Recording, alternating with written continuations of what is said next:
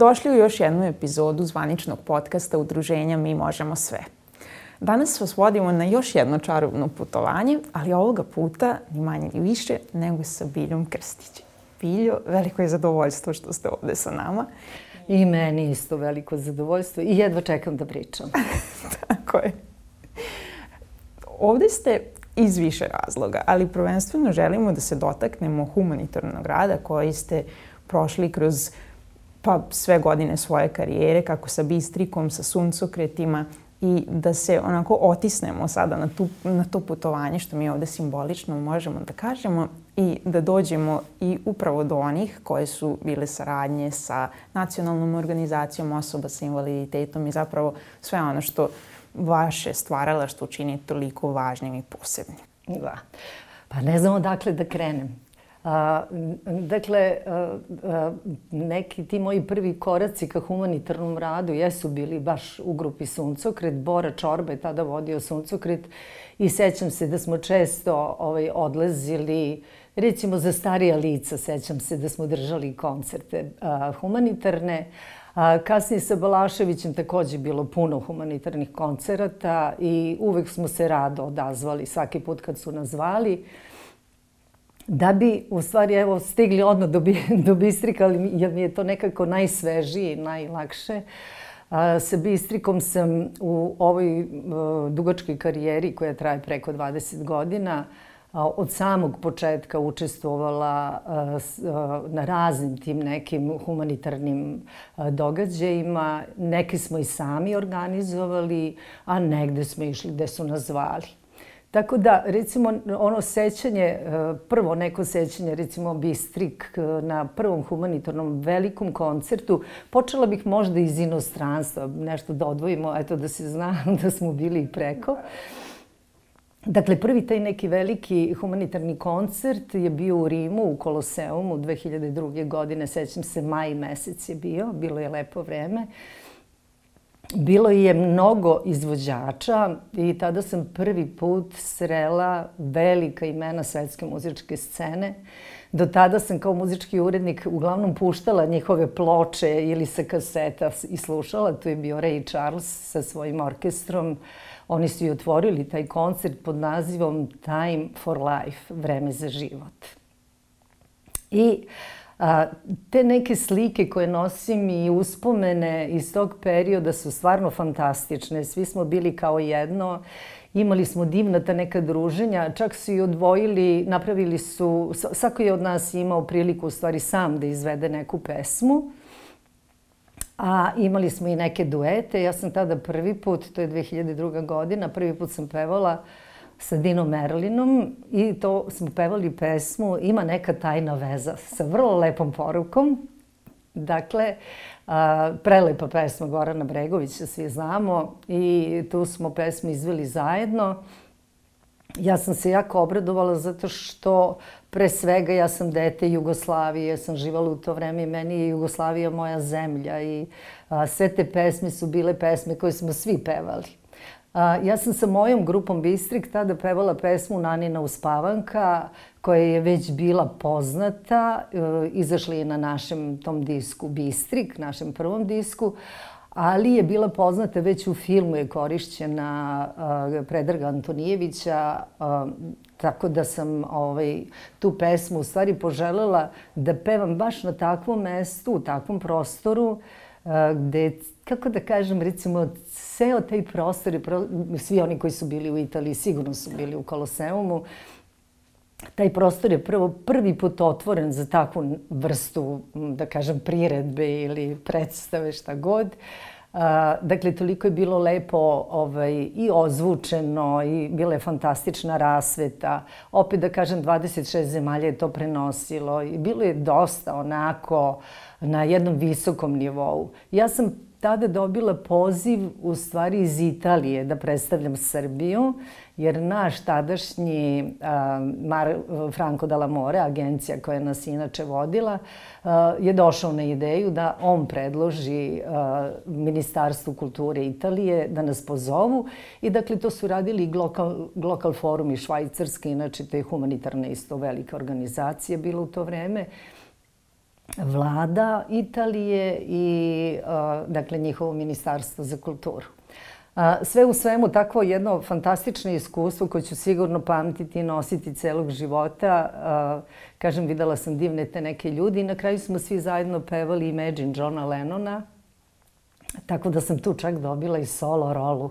Pevala sam jedan stih i ja. Ono što je jako zanimljivo, svi su pevali na svom jeziku.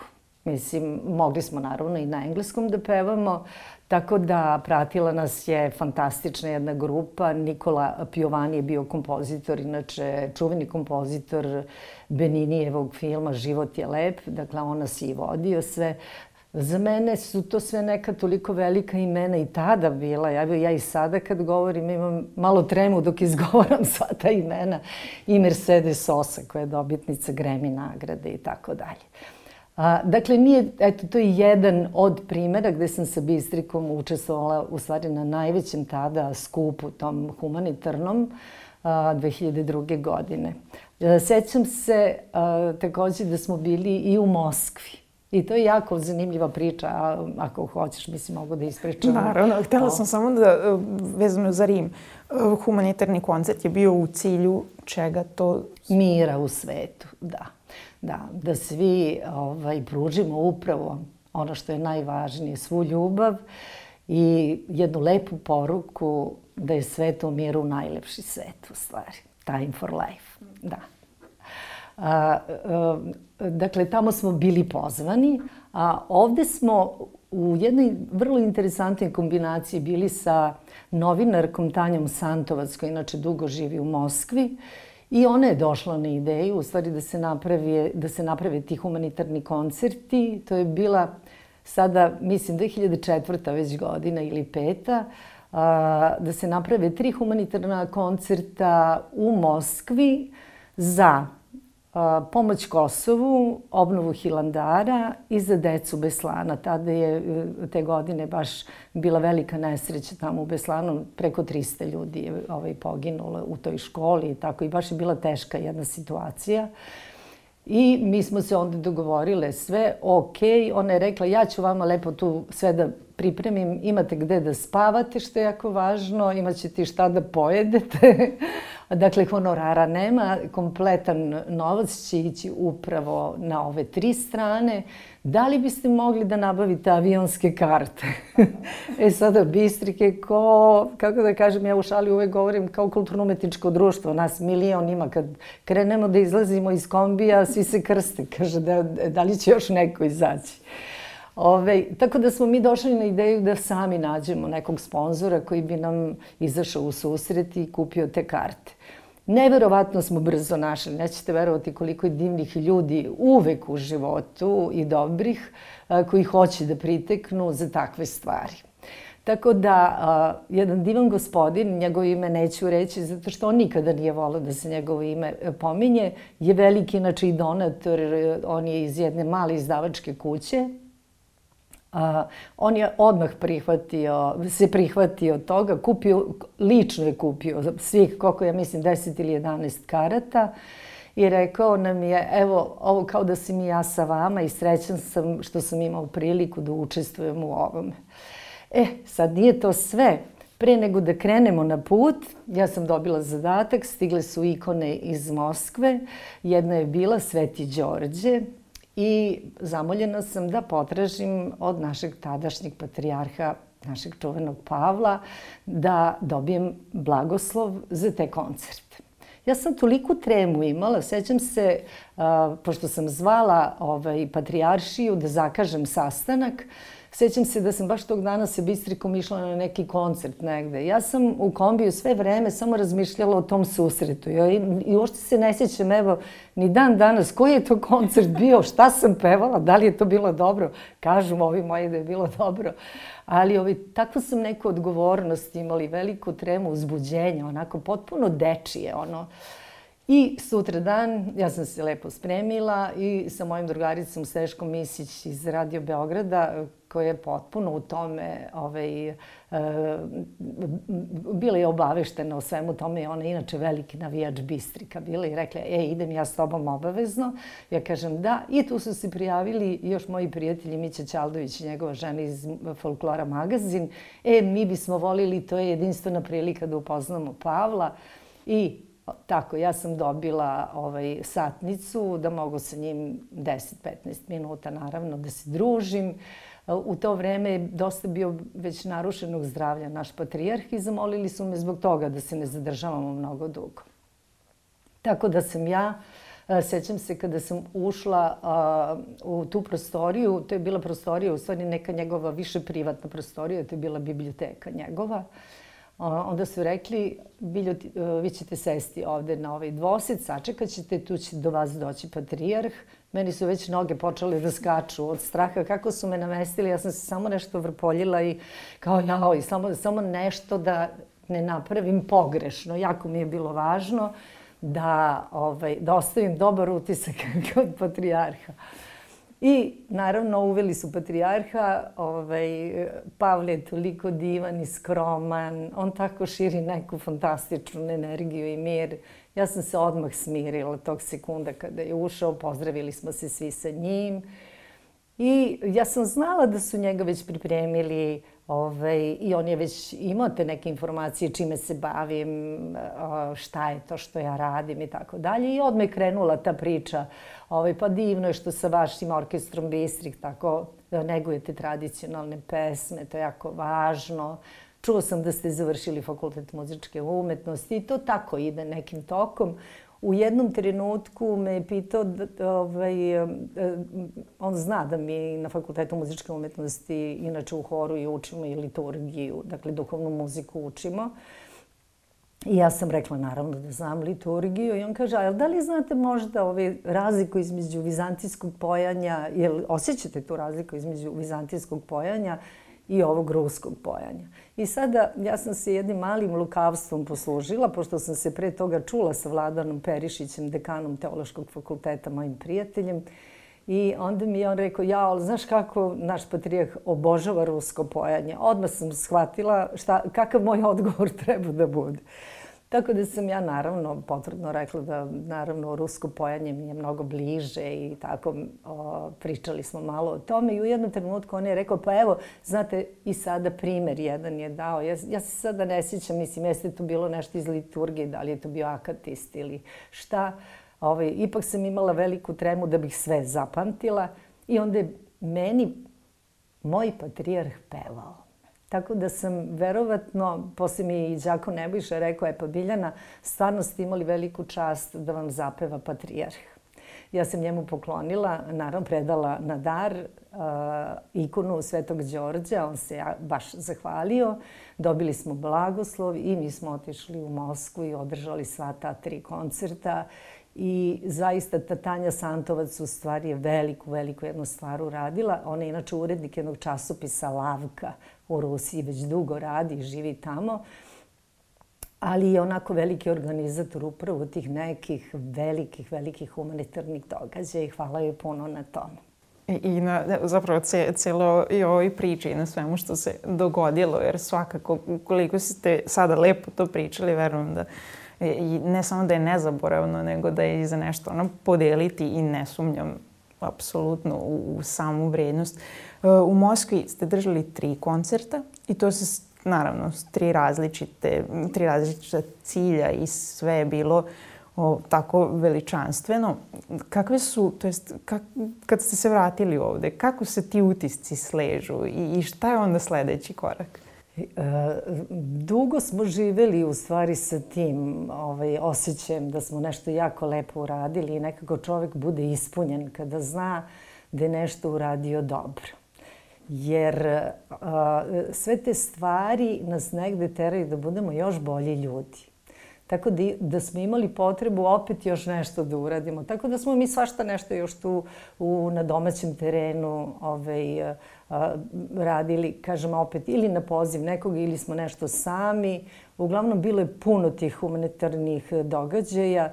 A, ono čega se ja sećam, recimo u poslednje vreme, evo, ajde da pomenemo i ove neke novije događaje, ovaj, a, nekako nikada ja nisam ni želela, pravo da vam kažem, da se mnogo o tome priča, pa sad tu nešto se razgleba, evo, bili smo ovde, pa tu smo održali humanitarni koncert, pa ovde.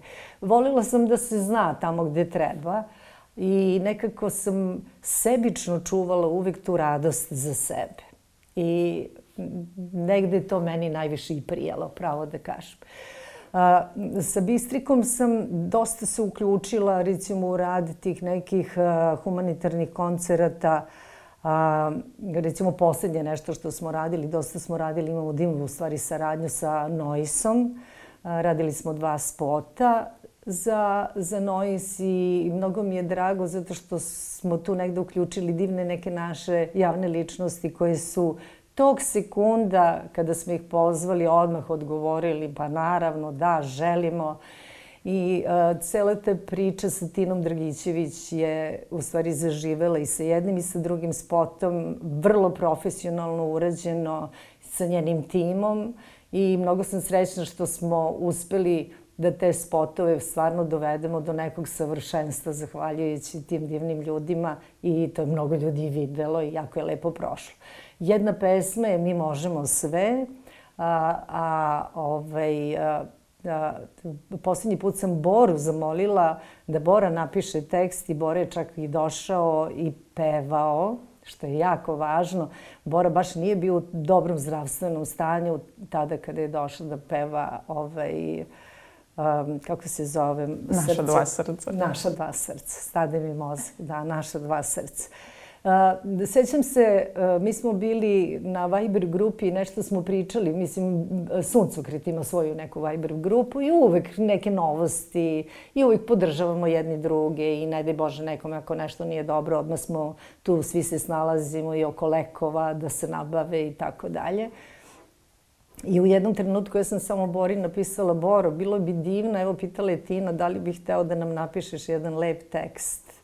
I on kaže, odme je dao i naziv Naša dva srca i onda je krenuo u rad, napravio je divan tekst, posle je Miki Ustanojević u našem iz Bistrika, Miki jako lepo to radi i prvu i drugu pesmu, Miki jako lepo to ukomponovao. A, imali smo a, i, za, i za prvi ovaj za prvi spot smo imali dosta gostiju poznatih. U drugom spotu smo Bora i ja pevali i pevali i Miki kažem to napravio, ali pošto, i Gorica, ja mislim isto da je tu pevala, Moja Popović. A u ovom prvom spotu tu je i Bojana Stamenović, Ana iz Party Breakersa, to su bili glumci Nebojša Dugalić, Ivan Mihajlović, I sada mislim, možda sam nekog zabol, zaboravila, neće mi zameriti. A, dakle, bilo je i lepo druženje, nekako smo se lepo sa Nebogradom družili, isti, oni su divno pevali. Brzo smo snimili sve to u studiju, neverovatno. Mislim, i audio snimak, taj je napravljen jako brzo, bez nekih problema. Ja sam mislila, jao, da li ćemo uspeti u terminu to sve da završimo, ali jesmo. I eto, to su te neke lepe stvari koje me vezuju um, i za Nois i za uh, Nebograd. A sa Nebogradom smo imali isto jako lepu jednu saradnju na festivalu Bunt u Beogradu. Profesor Ljubiša Jovanović, flutist, inače naš eminentni profesor, ove, je došao na ideju da se napravi to jedno veče ili taj jedan dan posvećen osobama sa invaliditetom. I ovaj, napravili smo, ovaj, Nebograd je imao svoje tačke, Bistrik se tu lepo prilagodio, pratili smo Nebograd. A, onda smo mi nešto sami otpevali i tu sam dovela naravno i devojke iz moje vokalne radionice Bistrik koje uglavnom su na svim tim događajima i one se vrlo raduju kada ih zovemo da mogu nešto da pomognu.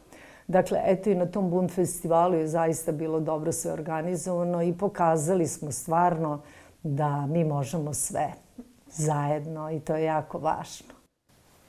Radeći, to jest baš konkretno snimajući ove spotove, tu su učestvovali i neki mladi ljudi sa invaliditetom koji su, eto, sada bili sa vama i mogla, imala sam trenutak kada sam prisustovala koliko je oduševljenje videti vas i sad me zanima kako je to sve proticalo, jer oni su neverovatno i bili ushu, i ushićeni i sve. Kakav je, to jest, kakva je ta energija koja Odlično se dešava? Odlično bila energija. Mi smo se uvijek, mislim, videlo se to koliko su se i oni rado, radovali, a i mi. Dakle, uzajamno.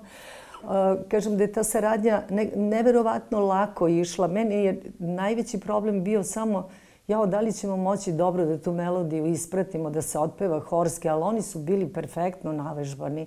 Ja sad ne mogu da se setim kako se zove devojka koja ih je spremala. Imali smo par proba i to je bilo perfektno naučeno, tako da je sve nekako išlo glatko, a sa druge strane osetila se ta neka radost, ljubav, baš ushićenje, ovo što ste i rekli.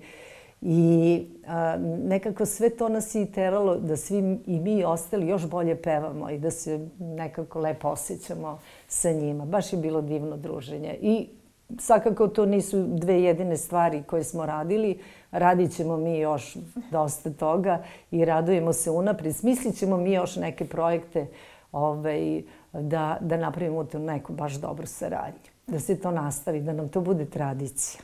Ne sumnjam.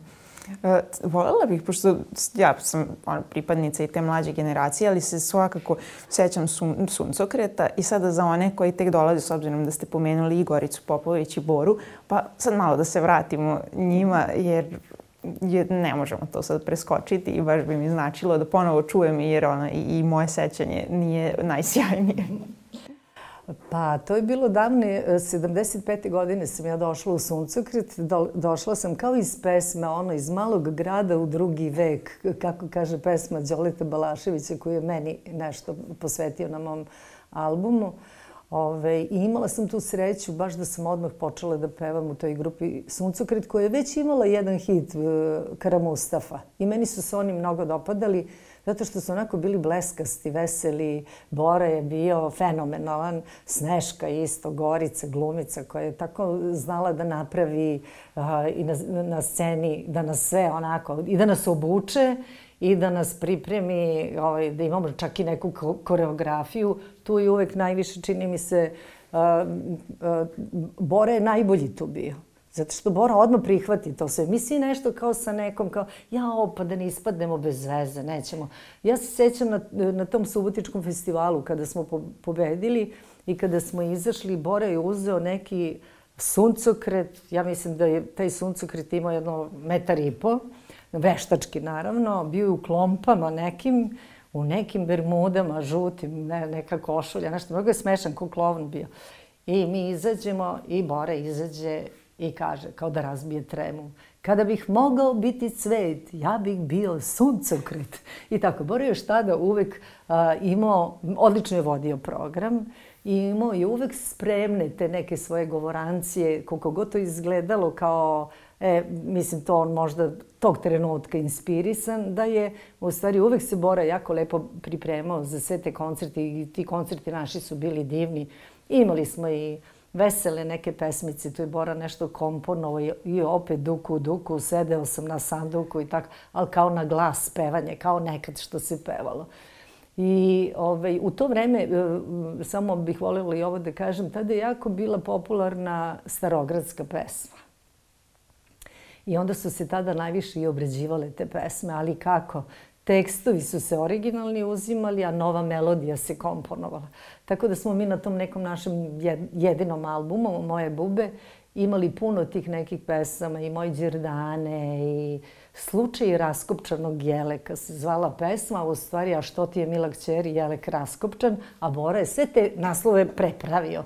Tako da su nas svi pitali, e, a koja je ovo pesma? Pa to je ona poznata pesma. Kao, pa da, ali smo imali ovaj, zaista tu sreću. Bora je toliko umeo da sve to nekako napravi, da skocka, da to bude zanimljivo. I sećam se gde god se suncokret pojavio, bili smo akustičarska grupa, ali smo pevali sa velikim rokerima, bili smo im pred grupe. Tako da, sve govorilo da će Bora jednog dana ipak biti veliki roker. I sve govorilo, išlo u prilog tome da će jednog dana početi tradicijom da se, da se bavim. U stvari, eto, iz vremena suncokreta, odatle se vuku ti neki koreni. A, što se same tradicije tiče i Balaševića, on je vrlo malo koristio tu, ali je koristio taj neki, imao je taj neki vojvođanski duh lepo koji je ukomponovao, naročito u pesme, ali se nekad dobro jelo i te, te neke stvari. Kasnije i jesen stiže Dunja moja i tako dalje. A, sve u svemu, svuda je negde mirisu ipak neki folklor. Nismo mi svi mnogo bežali od toga i u to vreme se to dosta i cenilo. Ja bih volela da je to i danas tako i volela bih da mladi shvate šta je tradicionalna muzika i koliko je važna da je sačuvamo i da je negujemo. A ovaj, ona svakako je osnova svakom žaru, kako god da se okrene. Bilo gde, i u umetničkoj muzici kada pogledate, i u rock muzici, u pop muzici, u džezu, ipak je tradicija baza. I ovog meseca smo dobili vaš novi album. Da, da, imamo novi album, zove se Biljur. A, moram da ispričam nešto. Naš basista Bata Božanić, kada sam rekla, prvo smo dugo tražili naziv a, koji će biti naziv albuma i sada Bata kaže, ja kažem, e, Bato, šta misliš ipak da bude biljur? On kaže, au, kakav ego trip mi je rekao, kao bilja, biljur. Naravno, biljur je gorski kristal i uh, oznaka, ima, ima puno nekih značenja, ali svakako oznaka za blistavost, čistotu, jasnovidost, šta god, mislim, sjaj neki ali je i stara oznaka za bistrik, baš za izvor, za vodu, za izvorište.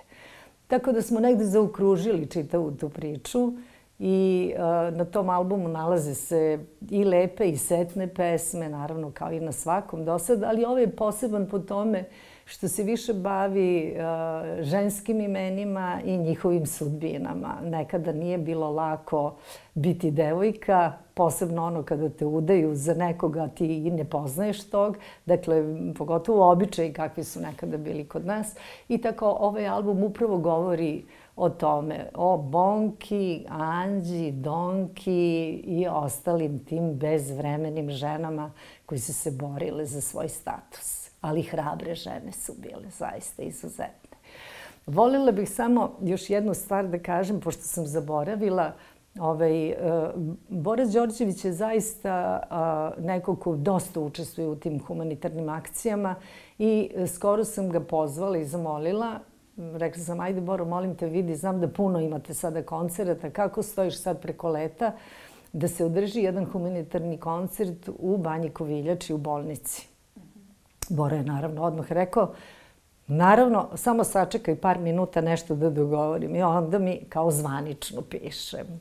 Riblja čorba u kompletnom sastavu sa sve tehnikom, tehničkim osobljem stiže u, Banjalu, stiže u uh, Banju Koviljaču A, najverovatnije negde tamo krajem avgusta, jer ćemo tada imati malo slobodnog vremena i moći ćemo da skoknemo do Banje Koviljače.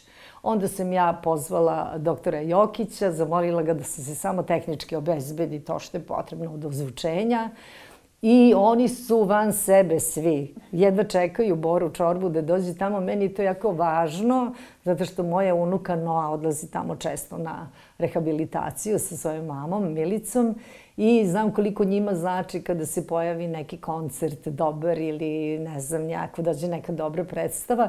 Tako da smo mi to preuzele na sebe, tu neku vrstu organizacije. Prošle godine bila grupa, e, su bili e, iz grupe Legende, a pre toga smo u stvari otvorili čitavu tu priču Bistrik i ja. Da, tako da ovaj sve to ide nekim svojim tokom I to je jako lepo organizovano, bude puno sveta i dosta baš ljudi koji se leče u samoj bolnici. I tu se peva i sve glasa, dolaze ljudi, naravno da se slikaju, malo da popričamo. I to je baš jedno veliko, onako, ozbiljno druženje, bih rekla. Tako da hoću ovim putem da se zahvalim i Bori i naravno svim, svim onim ljudima koji organizuju ovaj taj događaj. I to su te svetkovine koje, koje da. niko ne želi da propusti. E, kada govorimo o vašem privatnom životu i toj nekoj ličnoj priči koja je svakako inspirisala ove događaje, koliko je to u isto vrijeme i pokretač i koliko je to ono što vas drži toliko obzirnim i da uvek i sami ste rekli, i vodite računa da nekoga slučajno ne povredite, da budete uvek tu ako nekome nešto treba i koliko se sve to onako e, zajedno spoji u to da vi činite ovo što činite. Pa, znate kako, ja sam to još u svojoj porodici naučila, od mame i tate. U mojoj porodici, ja sam odrasla u velikoj porodici, naš četiri je bilo, ja sam najmlađa. Uvek se znao neki red i još odatle, sve to što sam naučila od mojih roditelja, ja sam prenela u svoju porodicu, Milici i Lenki. I Milici i Lenka su i kao deca isto. Mi smo često išli na te neke humanitarne događaje, humanitarne a, ne samo koncerte i predstav, njihov tata je bio glumac i on ih isto često vodio. Ove, tako da su one negde to i naučili i prisvojili i njima je to potpuno bilo normalno.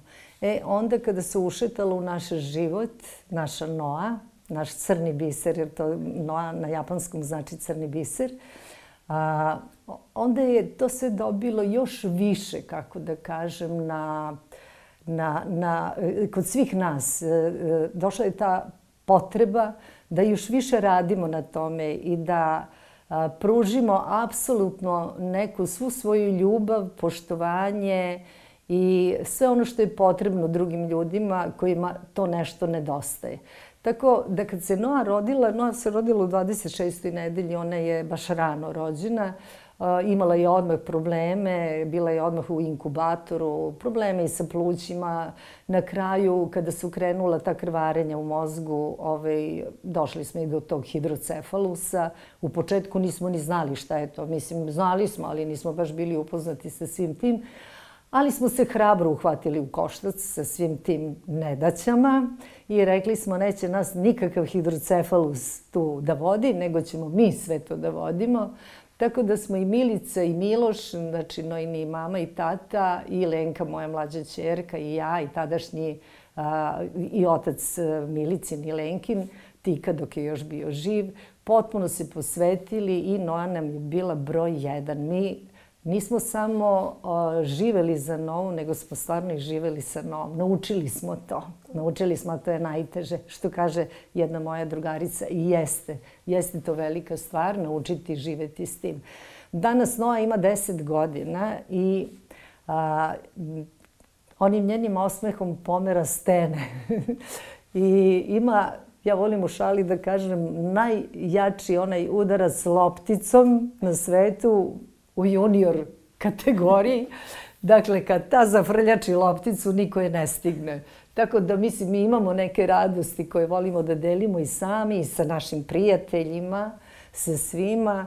A, naš život jeste život, ono nešto, i, naravno, u brizi velikoj, ali a, ipak je tu, da ne bude, ajde sad kao neka parafraza, ljubav sve pobeđuje. Da, ali kad ima zaista puno ljubavi tu sa svih strana i kad smo dobro organizovani, onda sve ide u dobrom pravcu. Jeste tako, jer i pored toga uh, stižete i vi i Milica da budete tu i za sve one ljude kojima je potrebna podrška. Apsolutno. I ja gledam, Milica vodi svoj blog ovaj, i ima dosta pratilaca tamo. A, ja uvek tu svratim da vidim šta je napisala. On uvek traži kao, e, mama, šta kažeš, ili nije previše, ne znam, nešto oštro ili ne, ona jako lepo to vodi i drago mi je da je negde uzor i model mnogim mamama koje su se našle u sličnoj situaciji. I to je mnogo važno, da čovek ima te neke prve informacije, da kažem, iz prve ruke. A mi u šali govorimo kako je Milica i kako bi mogla slobodno da završi medicinu, s obzirom da sve zna, da kod nje nema tajne. Ove, I profesorka doktorka Ričević je često Milicu zvala dok je Noa baš mala bila, kada su dolazili profesori na specializaciju, doktori, onda je Milica uhvati Novu pod ruku, Novu stavi tamo na sto i pokazuje. Mislim, šta sve može dete sa takvom diagnozom prosto mislim da Noa prkosi medicini, to je jako važno reći da se svašta može desiti, divnih čuda možete da se nagledate i da ne verujete da, da zaista sve to može. Dakle, od neke te početne dijagnoze koja je bila baš strašna, ovaj, dođete do toga da to u stvari uopšte nije tako strašno, već da možete da idete do kraja, dokle god ona može da vuče, naravno, a mi smo tu svi uz nju i ovaj, mi smo ti koji je guramo napred, taj vetar koji je, joj ne da da ide nas. I ovde, apsolutno, to jest pa ne svaki put i ne sa svakim sagovornikom, ali toliko često pominjemo taj vetar u leđa i koliko je i međusobna podrška važna i baš to što Milica radi, zato što gde će pre najbolje informacije roditelji dece koji imaju sličan ili isti problem, to jest nikad nije isti naći, nego upravo od drugih roditelja koji, su, koji prolaze i dalje tu priču i nikad se ništa ne završava i uvijek je važno da, da, da budemo tu i da budemo onako u pripravnosti. Tako je.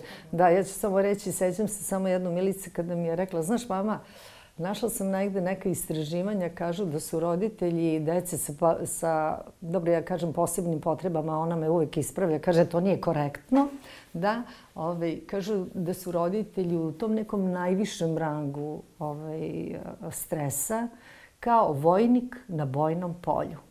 Tako da, znači, mislim, stalno pripravnost i juriš. Nema nas, da. Ono što meni veoma znači jeste, iako nisam roditelj i nisam nemam ni u okruženju decu uopšte za sada, to jest tek ćemo sada ovaj, imati od prijatelja, ali nije ni važno, nego koliko u stvari te o tome ne razmišljaš, jer nije ti blisko, nisi tu, ok, imam nešto svoje, ali nikako nije isto brinuti o sebi i brinuti za nekog drugog. Posebno kada si mnogo više okrenut kao onom drugom. I, i to nekako sve lepo zaokruži ono što dobijemo upravo i od Milice i od svih onih koji su tu da, da pružaju podršku, a mi čak i ne znamo ono šta se tamo stvarno dešava i koliko je, koliko je ta pripravnost i oprez konstantan. Da, pa svakako, mislim, to naravno ona najbolje zna. Ja se nadam da će doći jednom ovaj kod vas u emisiju, to je moja želja. Milica jako lepo priča i bit će, bit će ti sigurno super sagovornik. Ove, ovaj, I mislim da će moći mnogo, mnogo toga da kaže što ja ne znam jer ona kao moje dete, ko zna šta je sve krila. tako da, ovaj, kao što svaka majka gleda da zaštiti svoje dete, tako i Milica uglavnom gleda da zaštiti sve nas, ali ovaj, ipak je ona otvorena za sve te stvari i odlično zna da priča o tome i važno je da se čuju te prave priče. Baš puno pomažu. Jeste. I, i, osim što lepo priča, stvarno lepo piše i taj ono što radi ne može uopšte ni da se izmeri značaj. I još jedna važna tema koja se ovde tako na brzinu provukla zato što ste želeli da se zahvalite Bori, ali ja sad moram da se vratim na to, da se vratim na Biljur i priču o ženama, jer nekako danas jako često govorimo o, o ženama koje su se borile i izborile i za prava koja mi danas imamo. I kada ste rekli koliko su ti neki običaji i tradicija tada bili pa za nas sada nezamislivi da. i, i, i surovi. E, koliko danas, e, kada razmišljate dok pravite album i kada razmišljate o tim pričama i tradiciji, u isto vreme želite da zadržite tradicionalnu muziku i želite da skrenete pažnju na te neke stvari koje, koje nama sada nisu u redu. Da. Uh, A, ja sam često pričala o tome koliko je važno bilo u mom istraživanju da kada nađem, ja sam mnogo pesama i preslušala i a, čitala i melografske zapise i arhivske snimke preslušavala u Radio Beogradu jer sam tamo radila četir, skoro 40 godina kao muzički urednik i nekako mi je sve to bilo, da kažem, na tacni. Mnogo mi je bilo lakše nego nekim mojim kolegama. A, prosto postojile su neke pesme koje me tako dirnu ja poželim da, da ih otpevam, a pesma se ne da. Recimo, to mi se dešavalo neverovatno, ne mnogo, ne često, ali mi se desilo za jednu pesmu, recimo Preleteše tice lastavice, sećam se, to je prelepa pesma. I ja nju pevam dobro, ali u kombinaciji sa aranžmanom koji je isto odličan, nešto ne štima. Čim mene ne dirne ta pesma, ne može da dirne nikoga, je li tako? I onda sam recimo, evo svih ovih godina tako na, ono, naletim na neke lepe te pesme, sklonim naravno, neke moraju da sačekaju svoje, svoje vreme, kao, kao što su i mnoge sačekale u stvari biljur. Dakle, odavno sam ja želela te neke pesme da snimim, ali sada je to pravo vreme. Verovatno moj glas može to da iznese i tu težinu i tu priču i tako. U početku sam više nekako volela da pevam te neke pesme malo i veselije i rum dum dum i dum daga duma daga i kalajđijsko kolo i sve, sve, sve mi to bilo zanimljivo. Dobro pevala sam i Naninu u spavanku koju i dan danas obožavam da pevam i ne možete da verujete i dan danas na koncertima kako se ona sluša. Dakle, u potpunoj tišini. Dakle, postoje pesme koje traže taj neki mir i, i traže neki svoj prostor. A, važno je da, naravno, tradiciju negujemo, ja sam to i rekla, još taj naš muzički folklor je jako bitan, jer on nestaje. Mislim, svi smo svesni da to nestaje. Nije to nešto, više ne može da se zadrži u tom nekom obliku kao što je bio pre 200 godina, kamoli ovaj, od ranije. Ali dobro, tu su ti neki naši čuvari, etnomuzikolozi koji imaju to posao, što ja kažem, neki se ljute kad ja kažem muzejska vrednost je to, ali zaista jeste, oni baš čuvaju te specifične napeve naše, mislim, te, ne znam, starija vokalna tradicija, pa novija vokalna tradicija, pa na glas, na bas, ne znam ni ja, ove, groktalice, toliko ima zanimljivih tih stvari, Ali sve to isto može da se koristi i u novim aranžmanima. Šta je tu važno? Važno je samo da, kao i u svemu u životu, imati mere u stvari. Jer vi, ako to lepo umete da upakujete u modern aranžman, ta stara pesma će zvučati kao od pre 200 godina, ali je slušljiva za današnje vreme. E, u tome je umetnost. Dakle, da se to neko prošlo vreme ipak negde prebaci u ovo sadašnje. Ja često volim da kažem, taj neki aranžman služi kao neki okvir. I sada malo očistimo tu prašinu sa slike, lepo izglancamo, stavimo taj neki malo noviji okvir i pesma već drugačije zvuči. A, ne, nisam pristalica onog da sada kritikujem zašto ste otpevali ukras naniže naviše i tako dalje.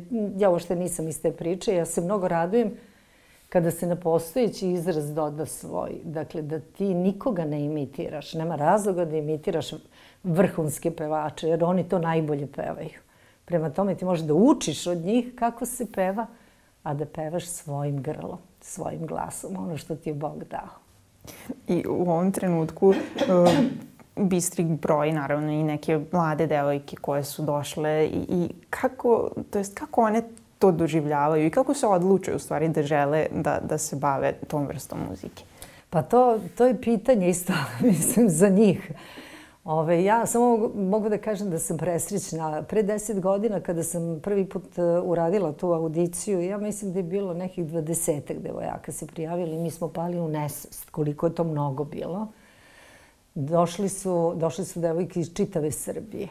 Zaista je bilo onako impozantno to videti odakle sve taj narod dolazi. Mlade, zaljubljene u tradicionalnu pesmu, lepo pevaju i vidite da poštuju to jako. Ja sam ih često pitala, svaku generaciju, e, kako u ovom šarenišu ovih zvukova, u ovoj muzičkoj matrici gde ni najbolji muzički urednik se ne bi snašao, kako majke ti uspeš da to, mislim, da se odrediš baš za to? Neko je rekao, ne znam ja, recimo da je čuo od mame, babe, nije bitno, ili drugarica ide u neku pevačku grupu pa je se to dopalo, baš je zanimljivo. Neko je rekao, i par njih je čak uh, izjavilo, pa znaš kako, mislim, mi smo to videli negde na televiziji, ali toga nema, mislim, pomalo se to čuje, tačno. Uh, to je muzika koja ima najmanje prostora uh, u medijima i meni je mnogo žao zbog toga. Ali to je već velika tema i o tome bi trebalo, naravno, država da razmišlja i državne institucije, da se barem do nekle produži trajanje a, tih starih naših predačkih tajni i zapleta ovaj, i da to prosto se samo prevede u sadašnje vreme. A može to. Zato je samo potrebna volja i potrebno je znanje, naravno, da budu stručni ljudi na tim nekim mestima i da se to povuku tamo gde treba. A mladi ko mladi, oni će ono što je najbolje i najlepše, što njima prije, njihovom srcu, njihovoj duši, oni će to prihvatiti. Ako vi njima dajete neke pogrešne primere svakog dana, pa mislim to uđe u uko, je li tako? Mislim, nemaš ti, ne kažem ja da treba samo Rahmanjinov da se sluša ili ne znam, sada da ne nabrajam, ali bi bilo lepo da ipak i tradicionalna pesma i u obradi, dakle i world music i tako dalje, da imaju barem do nekle taj prostor koji ima ova neka nova muzika za koju ja nemam naziv, jer e, izgubila sam se i sada sam i u penziji i više ne pratim to tako, ali svakako da ima i dobrih pevača, odličnih pevača i odličnih muzičara, ima divnih bendova, samo nemaju dovoljno prostora da se malo to iznese i da se vidi. Jer je mnogo važno da se nešto vidi, čuje i onda ti kažeš, e, ovo mi se sviđa. Ili kažeš, vidi, vidi ovo kako je zanimljivo, to nismo imali prilike do sada vidimo.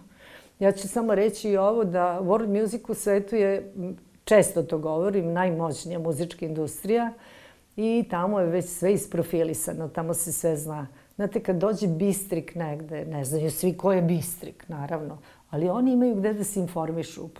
Pre svega postoje časopisi ovaj, koji prate to.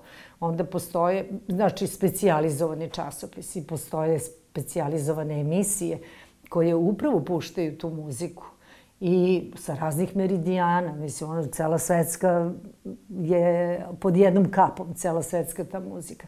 Dakle, oni imaju gde da se upoznaju sa muzikom i Azerbejdžana i muzikom Srbije i ne znam, plemena Čangoš iz Mađarske i tako dalje, da ne nabrajem.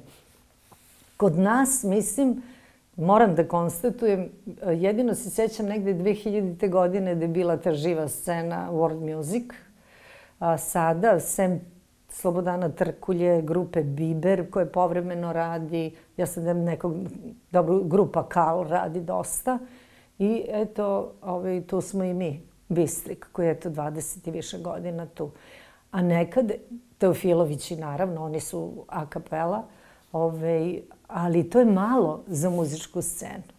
E, sada, mislim, ako mi stalno grdimo te neke ljude koji nešto hoće kao da, da urade svoje, da daju je taj neki svoj pečat, da imaju tu svoju slobodu i stalno pušimo, ma to ne valja, nije, ne, nemoj, I tako, mislim, ništa nećemo uraditi. Mi možemo da im se približimo tako što ćemo reći, ajde dođi, molim te, dođi, samo ti pokažem, evo da vidiš. Recimo, ovako bi mogla stilizacija da se uradi, pa pokažeš par primera, pa to njima bude zanimljivo. Nisu to deca ili mladi koji, kojima, bi se, kojima se to ne bi dopalo. Dakle, treba samo pokazati, a oni kada vide to, njima će se to ili dopasti ili neće, u krajnjoj na njima je izbor. Da.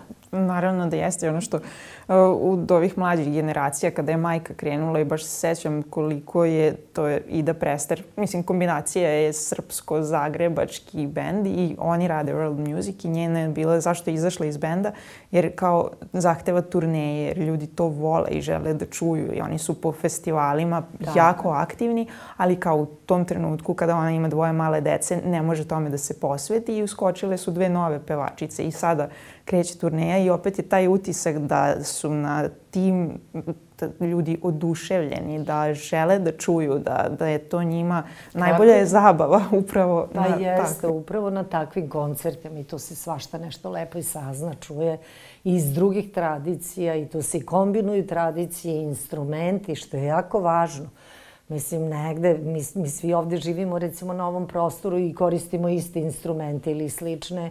Pevanje je uglavnom slično, tu i tamo vrlo malo ima nekih razlika, mnogo više imamo zajedničkih tih dodirnih tačaka i, i uopšte, mislim, ceo Balkan je veoma zanimljiv. Ja, ja znam kroz ovo što Bistrik radi i kada odlazimo ovaj, negde, a, na te neke velike festivale, koliko je njima zanimljivo zato što mi ipak vokalnu tradiciju predstavljamo. I obično jednom u Brazilu su nas pitali a gde su vam trubači? A da, zašto nemate trubače?